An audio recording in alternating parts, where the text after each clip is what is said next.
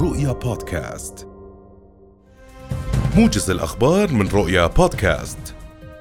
يواصل مجلس النواب اليوم مناقشة مشروع قانون الانتخاب بعد إقراره ثمانية مواد والتي يبلغ أو ثماني مواد عفوا والتي يبلغ عددها الإجمالي 74 مادة.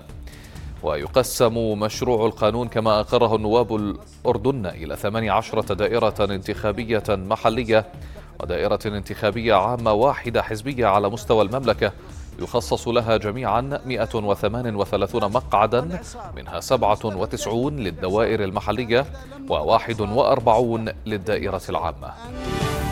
أكد وزير التربية والتعليم الدكتور وجيه عويس أن قرار تعديل بدء الدوام اليومي للمدارس ومديريات التربية في شهر رمضان المبارك يشمل المدارس الخاصة.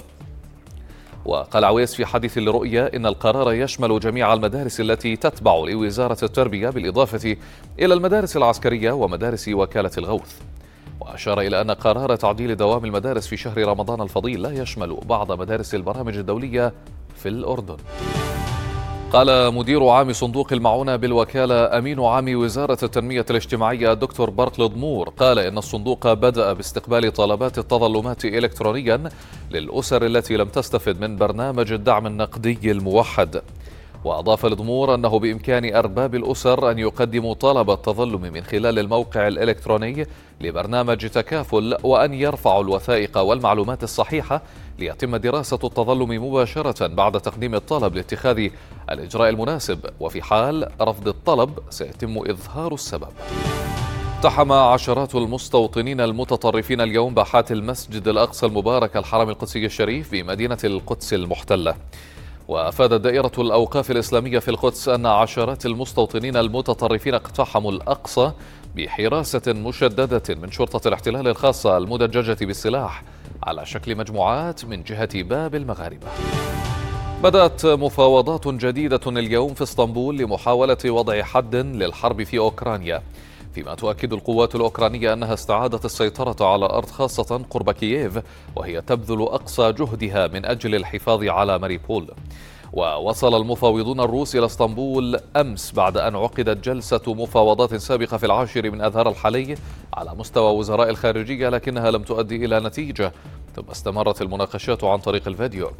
هذا وأعلنت أوكرانيا اليوم استئناف عمليات إجلاء السكان عبر ثلاثة ممرات إنسانية خصوصا من مدينة ماريبول المحاصرة بعد تعليقها يوما خشية أو خشية مما أسمتها استفزازات روسية دعت سبع دول في الاتحاد الأوروبي بينها فرنسا وألمانيا وإيطاليا وإسبانيا مواطنيها إلى الامتناع عن الانخراط كمتطوعين لمساندة الأوكرانيين في القتال ضد الروس في إعلان صدر عن وزراء العدل في هذه الدول. وجاء في بيان نشر بعد اجتماع لمجموعة فاندوم نشرته وزارة العدل البلجيكية أن وزراء الدول السبع أثبتوا بالإجماع عزيمة الأوروبيين على الانضمام إلى صفوف المقاتلين المتطوعين. وسبق أن أعلن الرئيس الأوكراني فلاديمير زيلينسكي أواخر شوباط تشكيل فيلق دولي لدعم جيش بلاده في مواجهة الهجوم الروسي. تشهد ولاية شنغهاي العاصمة الاقتصادية للصين إغلاقا لليوم الثاني على التوالي لمواجهة التفشي الأسوأ لفيروس كورونا منذ عامين. وسيفرض الحجر على سكان شنغهاي المقيمين في نصفها الشرقي ويمنعون من مغادرة منازلهم حتى الأول من نيسان على أن يعقبه في هذا التاريخ إغلاق مماثل في النصف الغربي. وأعلنت السلطات المحلية أن هذا الإغلاق يهدف إلى تسريع فحص السكان والقضاء على الإصابات الجديدة بأسرع وقت ممكن.